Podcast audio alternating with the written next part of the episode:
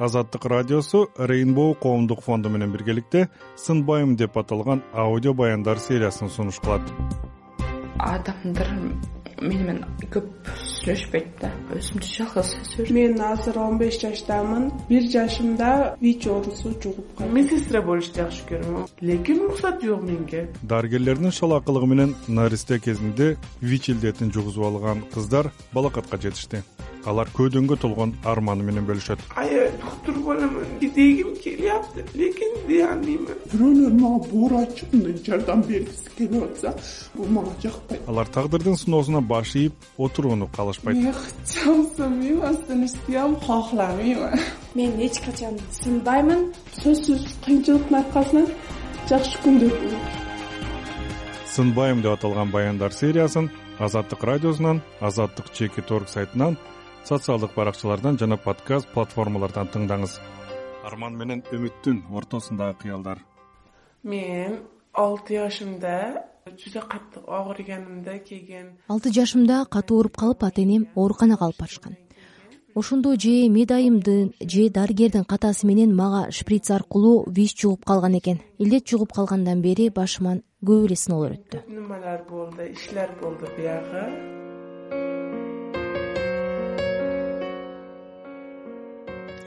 сиз азаттыктын сынбайм деп аталган баяндар сериясынын алкагындагы кезектеги эпизодду уга баштадыңыз. Бул берүүдө бала кезинде дарыгерлердин шалаакылыгы менен вич жугуп калган азыр балакатка жетип жашоодо ордун табуунун аракетинде жүргөн кыздар тууралуу баяндайм. Аты жөнүм санжар эралиев. Мен эки миң он сегизинчи жылда билдим мага психологдор вич оорулуу экенимди эки миң он сегизинчи жылы айтышты. Рейнбоу коомдук фондунун адистери ысык көлгө атайын тренинг алып барып ошол жакта кабарлашкан. Бирок ага чейин деле билчүмүн. Анткени ата энем акырындап мага баарын түшүндүрүп келишкен. Ошондуктан стресс болбодум. Чынын айтсам мага оору жуктуруп койгон медиктерди эч качан жек көргөн эмесмин атам раматылык ооруп каза болуп калды. Тирүү кезинде дайыма ал дарыгерлерди эч качан күнөөлөбө атайын кылышкан жок адашып калышчы деп айтчу. Ошондуктан эч кимди айыптагым келбейт. Бирок тагдырыма балта уруп коюшту. Жакшылап түшүндүргөндө мен хаммасын билгенмин бүгүнкү каарманым дүрдана он биринчи класста окуйт. Сүйлөгөн сөзү орундуу максаттары тунук кыз. Ош облусундагы айылдардын биринде жашайт. Сүйлөшкөн адам дароо эле анын зирек экенин байкайт. Келечекте бизнес вумен болуу тилеги бар. Апасы болсо анын психолог болушун каалайт. Туурасын айтсам өзү менин психолог болгумду келбейт өзүмдө психолог болууга таптакыр каалоо жок. Бирок апам ушуну каалайт. Мени психолог болсо экен дейт. А мен медайым болгум келет бирок вич оорулуу кишилерге медицина кызматкери болуп иштегенге мүмкүн эмес экен.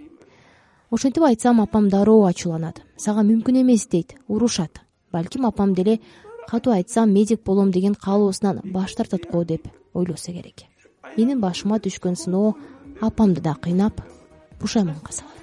Дароо аччыгы келип жарабайга түшүп кетти эми аям аямым ичиреси кылса керек мен урушканмын урушсам элер мүмкүн десе керек. Дүрдана ушул жерде өзүн баса албай кыйла ыйлады. Мен ага ыйлаба дегенден башка сөз айта албадым. Балким ошондо дарыгерлер шалаакылык кылбаганда келечекте бул кыздан атактуу доктору чыкмак. Балким медицина илимдеринин доктору болуп дүйнөгө таанылмак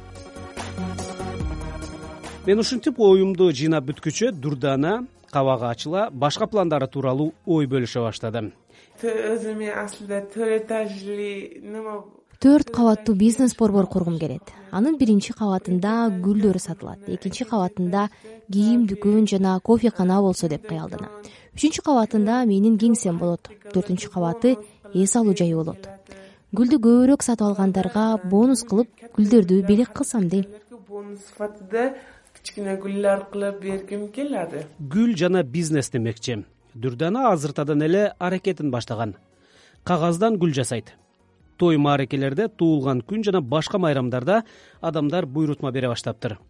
Кыштагында жана коңшу айылдарда аны гүлчү кыз катары таанып калышкан. Мага өзү жасаган бир топ гүлдестелерди көрсөттү. Бир караган адамга чыныгы гүлдөн айырмасы жок. Жакшы жери эч качан солубайт бул гүл бул адди гарфилд кагаздардан жасалады. Бул жөнөкөй эле гарфилд кагазынан жасалат. Гүл жасаганды курбуң экөөбүз интернеттен көрүп үйрөндүк. Анан тойлор үчүн жасай баштадык. Жакында эки миң сомго чоң букет жасадык. Той ээсинин үйүнүн эшигине батпай койду. Бир гарфилд кагазы эки жарым метр болот. Андан жыйырма беш даана гүл чыгат жасаган гүлдөрүмдү сүрөткө тартып досторума жөнөтөм. Сүрөтлөргө олушты жакшы көрөмүн сүрөтлөргө олуп досторумга барамын. Дүрдана жарым саатта мага да чоң бир гүл десте жасап берди буну ушак метте чекасиде чекасине мындай кылып бөтчүнү эгип кийин буягын мындай кылып бүкүп бурап чыкады. Бурап чыгып бурарабыз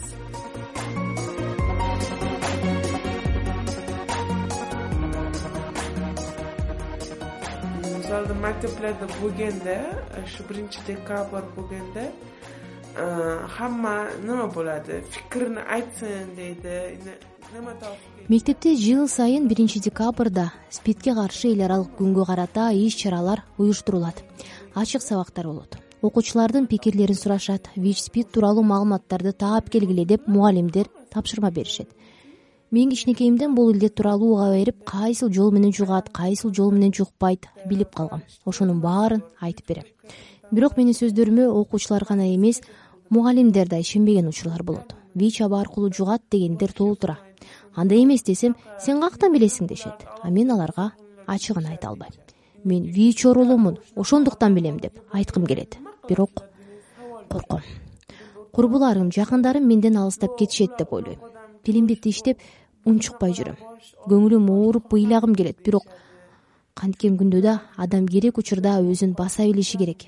Унчукпайм. Ушунда ичимден бир өтө жок лекин баары бир адам өзүн басыш керек ар кандай вазиятта өзүн тута билиш керек. Бул касалик үч томон бул оору үч жол менен эле жугат. Жыныстык жол менен энеден балага жана кан аркылуу. Башка учурда жукпайт ошондуктан адамдардан суранып кетем. Вич оорулуу кишилерди жери бербегиле. Эч нерседен юкмайды. Адамдарга илтимос кылган болардым. Өтө мынчалык ошол адамдар чоң адамдар мынчалык кылмаслыктан хоклар дорини ичекенибиз сабаби айым айтады апаларым немеге ичет бул деп күнүгө бир маал дары ичемин. Бир туугандарым эмнеге дурдаана дары иче берет деп сурашат апам болсо бул витамин дурдаананын бою өсүшү керек. Ошондуктан ичет деп коет. Алар таң калышат себеби боюм андай деле кыска эмес. Апам байкуш башка шылтоо таба албаса керек. Ачыгын айтып койсо башка туугандарга коңшуларга жетип бизге эч ким кошулбай коюшу мүмкүн. Мен рейнбо уюмунун тренингдерине катышып өзүмдү өзүм өнүктүрөм. Ал уюм атайын биз үчүн иштейт тренинг үчүн тез тез ошко барам. Бир туугандарым анда да эмнеге бул ошко бара берет? деп сурап апамды кыжалат кылышат. Убагы келсе аларга ачыгын айтабыз. Бирок билбейм кандай кабыл алышар экен? Билсе энди билмадым канака немелер фикирде болушат сиз азаттык радиосунун сынбайм деп аталган баяндар сериясындагы кезектеги уктурууну тыңдадыңыз. Бүгүнкү каарманым дүрдана болду баса бул баянды монтаждап турган күнү дүрдана мага телефон чалып смартфон сатып алганын эми гүл бизнесин инстаграм аркылуу жайылтууга бел байлаганын айтты. Ага ийгилик каалайбыз. Эске сала кетсем эки миң алтынчы эки миң жетинчи жылдары ош жалал абад облустарындагы ооруканаларда дарыгерлердин шалаакылыгы менен үч жүз сексен эки балага вич жугуп калган. Алардын айрымдары жашоо менен кош айтышты көпчүлүк балдар кыздар чоңоюп азыр балакатка жетип калган кез. Аларга мамлекеттен жөлөк пул эл аралык уюмдардан республикалык спид бирикмеси аркылуу акысыз дары берилип турат. Санжар эралиев азаттык